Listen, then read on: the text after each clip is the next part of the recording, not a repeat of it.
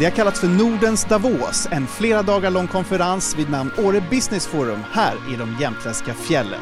Här samlas entreprenörer, företagsledare, politiker för att diskutera affärer, investeringar och knyta nya kontakter. EFN Marknad är på plats för att ta pulsen på några av företagsledarna. Välkomna!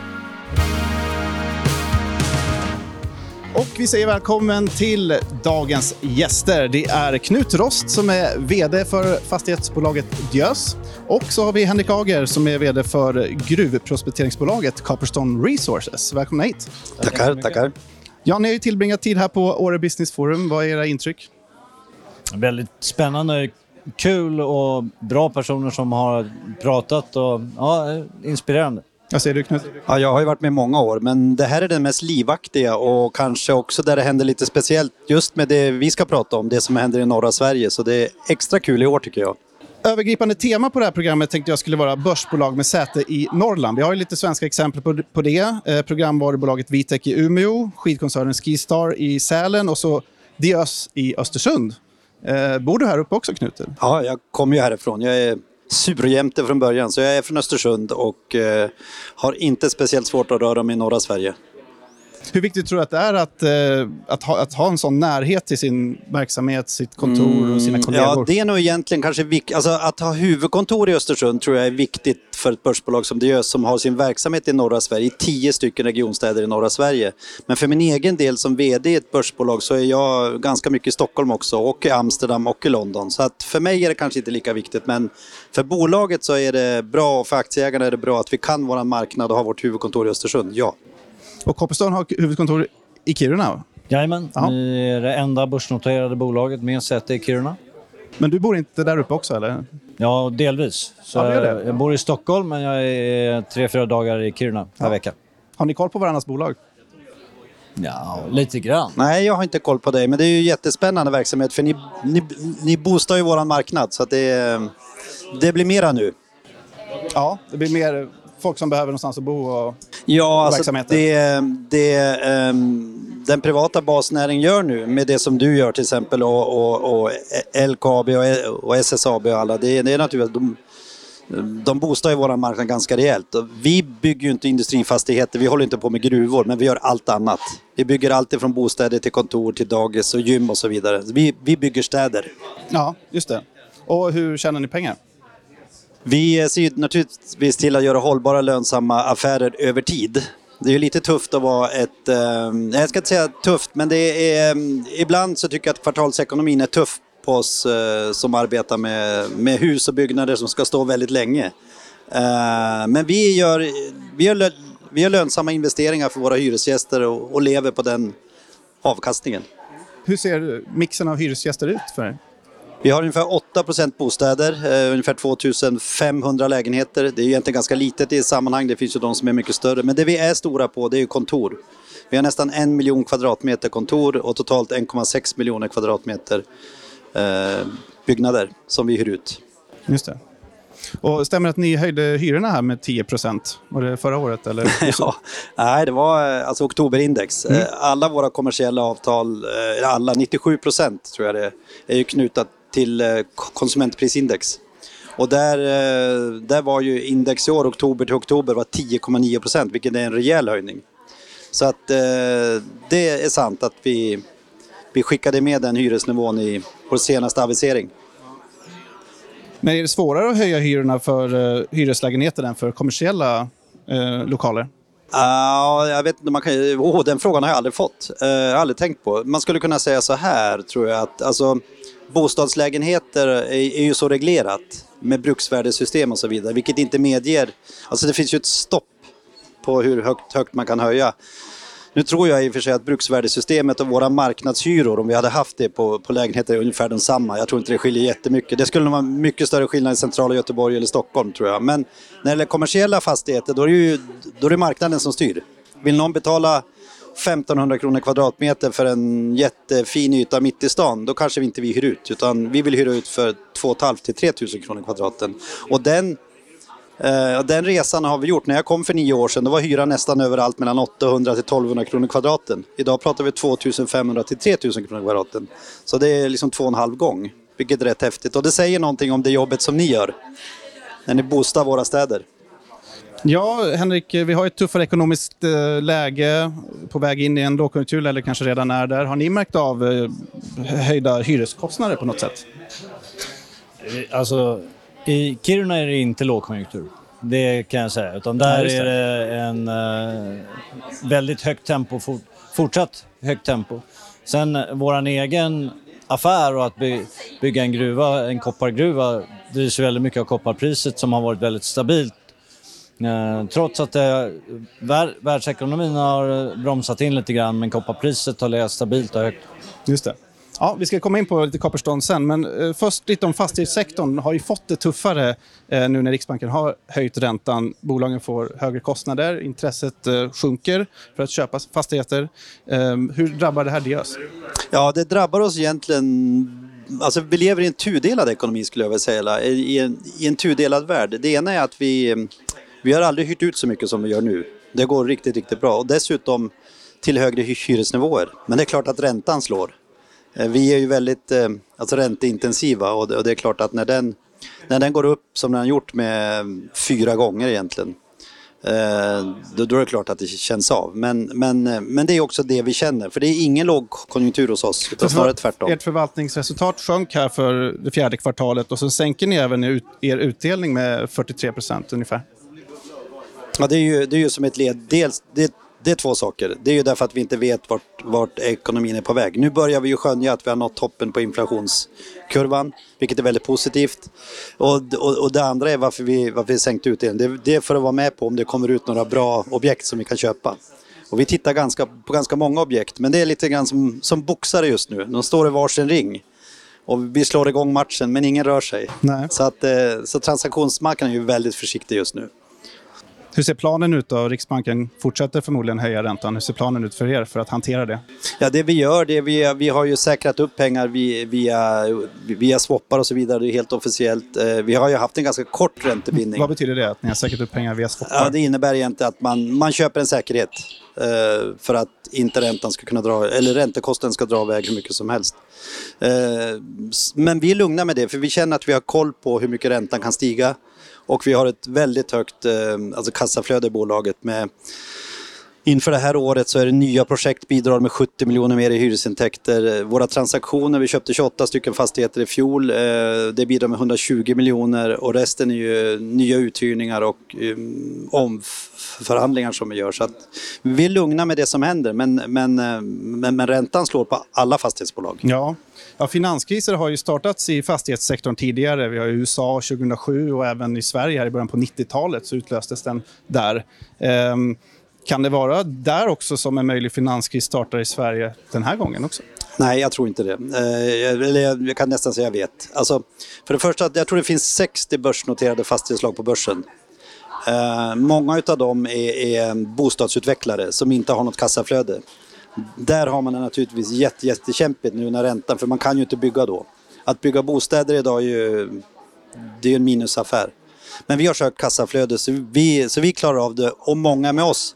Det som har varit problemet nu om man tittar på det finansiellt för vår sektor, det har ju varit obligationsmarknaden. Där det har varit svårt att förlänga obligation, det är svårt att, att göra nyemissioner via, via obligation. Men nu börjar det ju lossna lite och tittar man på verkstadsindustrin så har ju de faktiskt emitterat obligationer ganska länge. till ganska schyssta priser så att eh, nej, det, det, är ingen, det är ingen sån kris. Nej. Och Copperstone är ju ett gruvprospekteringsbolag. Ehm, berätta. De är, vi har kommit ganska lång väg mot att bli ett gruvbolag. Ja. Så, Berätta, vad gör ni? Nej, vi håller på och eh, både gör detaljplanering av hur gruvan ska byggas. Vi har investerat i en pilotanläggning för vattenrening med fantastiska resultat. Vi bygger en del infrastruktur, det vi kan bygga givet var vi är någonstans i tillståndsprocessen. Så vi har byggt en egen bro in på området och lite vägar och sånt där för att eh, göra så mycket vi kan för att förbereda för att när vi väl får tillstånd och, och eh, bygga och dra igång så fort som möjligt. Just det. Och vi pratar om den här Viscaria-gruvan i Kiruna. Då. För bolaget startades ju redan 2006, men från 2019 då så har ni jobbat då för att eh, öppna den helt enkelt. Vad är grejen med den gruvan? Ja, det uh, var en gruva som ursprungligen drevs av LKAB. Sen togs den över av Outokumpu och, och så stängde den 96, men då var, eller 97. Då var priserna på mycket lägre nivåer. Så det finns väldigt mycket koppar i uh, marken och vi, det andra som vi gör är att investera mycket i prospektering för att lära oss mer om malmkroppen och hur mycket koppar det faktiskt finns där. Just det. Och ni har ju lämnat in eh, miljötillståndsansökan till Mark och miljödomstolen för att få öppna och sådär. Hur går det med allt det där? Ja, eh, vi lämnade in den för eh, ett drygt år sedan. Och eh, vi har haft väldigt bra konstruktiv dialog med Länsstyrelsen som är den beredande myndigheten för Mark och miljödomstolen. Och, nu, vi hoppas att vi är väldigt nära att den här blir kungjord. Och när den blir det, då startar yttranden, den, liksom den officiella skriftväxlingen och man sätter även tid för en så kallad huvudförhandling i domstolen som vi hoppas ska bli under hösten eh, med målsättning att ha ett tillstånd på plats innan årets slut. Det var någon diskussion där också om att eh, planen på att öppna gruvan skulle få konsekvenser för en sameby som heter Laevas. Skulle, Levas, ja. ja, Levas. Ja. Skulle förlora betesmarker och en flyttled. Hur har det gått med det? Ja, Flyttleden går ju inte på vårt område och eh, samebyn har satt upp ett, ett eh, renstängsel för att säkerställa att deras renar inte kommer in på vårt område. Så de, det är ju inte no, någon betesmark för renarna på, på vårt område. Men det, det gränsar till Evas område och, och eh, vi har haft en dialog med samebyn för att försöka hitta sätt att göra det här på ett så bra som, sätt som möjligt för bägge parter. Mm. När tror du att ni kan komma igång? Vi hoppas att uh, det som är på kritiska linan är att bygga ett anrikningsverk och det tar någonstans mellan ett och ett halvt och två år. Så vår målsättning är att kunna uh, producera vårt första kopparkoncentrat i slutet av 2025. Eh, det är kopparutvinning som gäller. Hur ser världens efterfrågan ut på koppar? Då? Ja, den uh, är stark. Den har växt starkt de senaste eh, fem åren och den förväntas att fortsätta att växa ännu starkare med den eh, energiomställning eller klimatomställning eh, vi står inför. För med, med mer eh, batteridrivna elbilar och eh, eh, solkraft och vindkraft så behövs det väldigt mycket koppar. Mm. Och er aktiekurs är upp över 20% i år, sist jag kollade. Vad har drivit den uppgången? Det är nog det stabila höga kopparpriset och hoppas jag en, en eh, ökad tro på att vi kommer faktiskt att realisera det här och bygga den här gruvan och kunna göra det på en bra tidplan. Och, uh, det här kommer att bli en riktigt bra, ett riktigt bra projekt. Mm. Knut, eh, ni jobbar ju mycket med hållbarhet. Ni har även satt ett klimatmål, läste jag på er sajt, som innebär att ni ska halvera era koldioxidutsläpp till 2030. Hur ska ni lyckas med det? Vi jobbar väldigt aktivt med att eh, införliva hållbarhetsstrukturen i all, alla våra affärer. Så vi har ingen egen sida som, som så att säga är hållbarhet som, som en affärsdrivande del utan det gäller hela bolaget. Det, det är en del. Det andra är att vi jobbar varenda dag med energioptimering. Vi jobbar varenda dag med att eh, titta på sådana saker som vi kan göra bättre egentligen. Vi kommer säkert att bygga vårt första trähus ganska snart. Vi, ehm, vi har bara elbilar, vi köper bara 100, vi har 100 eh, el, elkraft från, från Jämtkraft just. Så att det är en massa olika aspekter. Men vi, ar, vi arbetar med frågan som om den gäller varenda timme, varenda dag. Henrik, vad har ni satt för klimatmål? Uh, ja, vi har sagt dels som mål att vi ska förbättra vattenmiljön i området så att det, den ska bli bättre efter att vi startar den här gruvan. Uh, vi ska tillhöra de eh, gruvproducenter eller kopparproducenter eller de med, som har lägst eh, koldioxidutsläpp per eh, kilo producerad koppar. Eh, och vi ska eh, rehabilitera området så att vi när vi eh, successivt bygger upp fjäll igen. Så de, de eh, materialrester som blir, de lägger vi upp som, som, så att det ser ut som ett fjäll och vi lägger jord ovanpå så att uh, naturen kan återhämta sig så fort som möjligt. Stort tack för att ni kom hit idag. Tack så mycket. Tack vi fortsätter på temat börsbolag från Norrland och säger välkommen till vår nästa gäst, Stefan Sjöstrand, VD på skidkoncernen Skistar. Stort tack för det. Hur står det till? Det är fantastiskt bra att få vara med här på Åre Business Forum eh, och haft en hektisk dag. Och Skistar har huvudkontor i Sälen, va? Helt riktigt. Ja. Men du själv bor i Danmark? Jag bor i Köpenhamn. Ja. Hur funkar det? Det funkar alldeles ypperligt eftersom jag har en övernattningslägenhet i Stockholm. Eh, det är oftast när det är off season och när det är säsong då är jag runt om på alla våra anläggningar. Och här i år har jag varit sedan i måndags till exempel och Förra veckan var jag i Sälen så jag är på, som ett eh, resande sällskap skulle jag nog vilja säga att jag är på de olika destinationerna. Hur viktigt skulle du säga att det är att eh, Skistar har huvudkontor i Sälen nära verksamheterna? Många av dem i alla fall. Ja, men jag tror det är jätteviktigt och eh, det var ju en av anledningarna till att eh, Mats och Erik ville att huvudkontor skulle eh, Eh, vara i Sälen och också vara kvar i Sälen. Så eh, det är viktigt och för min egen del som ledare så är jag ju väldigt frekvent ute på våra destinationer för att också möta både medarbetare och gäster. Mm. Ni beskrev resultatet för senaste kvartalet, alltså december-februari, som det bästa i bolagets historia. Vad är orsaken till framgången? Det är egentligen eh, en strategiförflyttning som vi bestämde oss för att göra för tre år sedan. Där vi bestämde oss att gå ifrån eh, det du sa alpint företag till att då bli, jobba med fjällturism året runt och det är egentligen det vi arbetar med. Och, eh, vi valde också att eh, fokusera på kärnverksamheten på ett helt annat sätt och också kan man säga att transformera bolaget inom digitalisering, hållbarhet, eh, året runt-verksamhet som jag var inne, men också lätta av vår balansräkning för att eh, göra oss lite lättare. Ja. Vad har varit utmaningen med den här omställningen då? Egentligen kan man säga att hela pandemin var ju en kolossal omställning och väldigt, väldigt tufft för oss. Vi hade det två år där man egentligen inte riktigt visste vad som skulle hända från månad till månad, ibland dag till dag. Eh, men jag tycker vår organisation hanterade det på ett eh, fantastiskt sätt. Eh, men annars skulle jag nog vilja säga att den största utmaningen vi har idag och står inför är egentligen de tillståndsprocesser som finns och de infrastrukturutmaningar som finns på våra destinationer. Bokningsläget inför vintersäsongen eh, var lite sämre om man kollar rapporten. Minus 10% jämfört med i fjol. Eh, varför är det färre som bokar, tror du? Eh, jag tror det är... I våra system har det varit färre som har bokat samtidigt som vi har sett en ökning av eh, nya bokningskanaler, till exempel Airbnb eller Facebook eller eh, andra eh, kanaler där våra gäster bokar och man bokar ofta lite kortare stays. Eh, vi säljer ju oftast hela veckor via Skistar-systemet eller weekends medans eh, du är lite mer fri att eh, komma Eh, och gå lite om man, beroende på hur man kan boka andra sätt. Så det är väl det som är anledningen. Så i resultatet som blir vårt bästa handlar ju väldigt mycket om att eh, vi har i stort sett lika mycket gäster som vi haft tidigare men man stannar lite kortare. Mm. Eh, och trots att det går så bra för era verksamheter så har ni valt att höja priserna på framförallt liftkort. Något ni också fått eh, stark kritik för här under vintern. Eh, hur motiverar ni prishöjningarna? Och jag tycker egentligen stark kritik är väl några kvällstidningar egentligen så att eh, jag skulle vilja säga våra gästundersökningar så har vi aldrig den kritiken ifrån våra gäster utan det är nog snarare tidningarna som skriver. Och vi höjde våra priser 4 eh, under ett år när det är 10% inflation så jag skulle nog säga att vi borde kanske höjt dem lite till egentligen. Okej. Okay.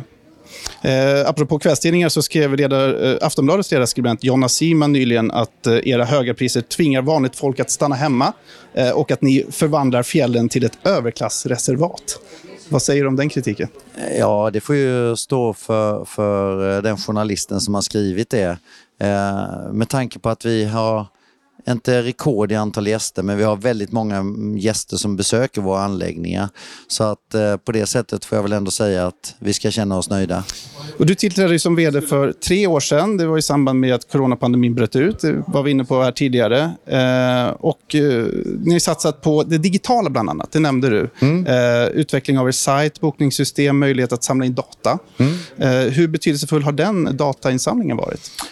Framförallt i, om man tittar utifrån digita digitaliseringsperspektiv så för tre år sedan hade vi 0% som checkade in digitalt. Idag är det 95 %. Eh, vi hade 0% som köpte sina skipass digitalt. Idag är det 75% Så den har varit oerhört betydelsefull på samma sätt som vår digitala plattform om 28 miljoner besökare och det har ju också ökat vår Eh, medlemsklubb, eh, My Skistar, där vi idag har 1,7 miljoner medlemmar. Och där eh, har vi en möjlighet att kunna kommunicera med våra gäster.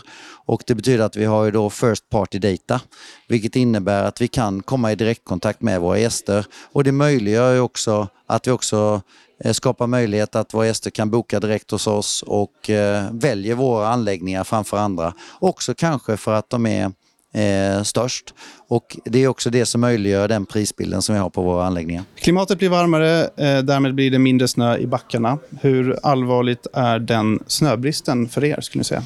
Eh, det du refererar till är ju framförallt Europa, eh, där man har sett de här klimat, stora klimatförändringarna. Och vi har ju jobbat väldigt nära SMHI och eh, NMI och olika klimatforskare för att verkligen eh, säkerställa vår baseline, var befinner vi oss någonstans? Och eh, vi kommer bli påverkade som alla andra, men den påverkan kommer snarare komma 50 till 100 år än i närtid. Däremot så är det ju viktigt att vi som aktör agerar och tar ansvar för klimatet och därför har vi valt att inte stoppa huvudet i sanden. Och, eh, igår till exempel hade vi en aktivitet på Skis hytte och den skedde med eh, elskotrar ifrån oss. Och vi är ju det enda bolaget i hela världen som har köpt en serieproducerad eh, elskoter då från Tiger Motors. Vi investerar i en startup i Sverige som heter Vidde. Eh, vi har en elpistmaskin som står här utanför som vi är ensamma om i världen. Så vi gör en hel del saker för att verkligen jobba med den här klimatfrågan. Mm. Har ni någon fördel där gentemot Alperna? För där är det varmare tänker jag jämfört med här uppe Nej, men jag i tror att många skiddestinationer i Sverige kommer få problem för att de ligger på fel sida gränsen och de fem som vi driver i Skandinavien ligger på rätt sida. Och eh, vad vi också kommer fortsätta investera i det är ju snösystem eh, för att vi ser att snön kanske kommer komma på ett annat sätt än vad den har gjort historiskt. Och då är det viktigt att ha automatiserade snösystem. Och eh, det är ju då ytterligare en del i eh, Skistars prissättning att vi investerar, vi är ju den som investerar mest i hela Skandinavien i olika skidanläggningar, både i form av liftar men också i snösystem och andra åtgärder då, eftersom vi har så många liftar som vi har. Mm. Ser ni fler internationella gäster i Sverige med tanke på den svaga kronan?